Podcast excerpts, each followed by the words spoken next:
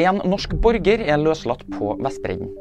En nordmann har vært anholdt av det israelske forsvaret på Vestbredden. Det bekrefter UD til VG.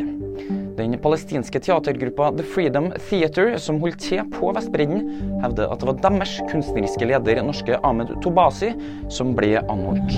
LO refser rentehevinga.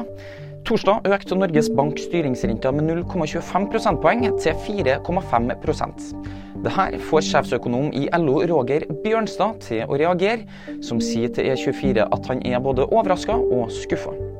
Sentralbanksjefen Ida Wolden Bakke mener at det her er rentetoppen, og at vi kan se et rentekutt først høsten 2024. Gult farevarsel for is i store deler av landet. Det melder Meteorologisk institutt på Twitter. Varselet gjelder fra og med torsdag kveld i sør, mens lenger nord i landet gjelder varselet fra natt til lørdag.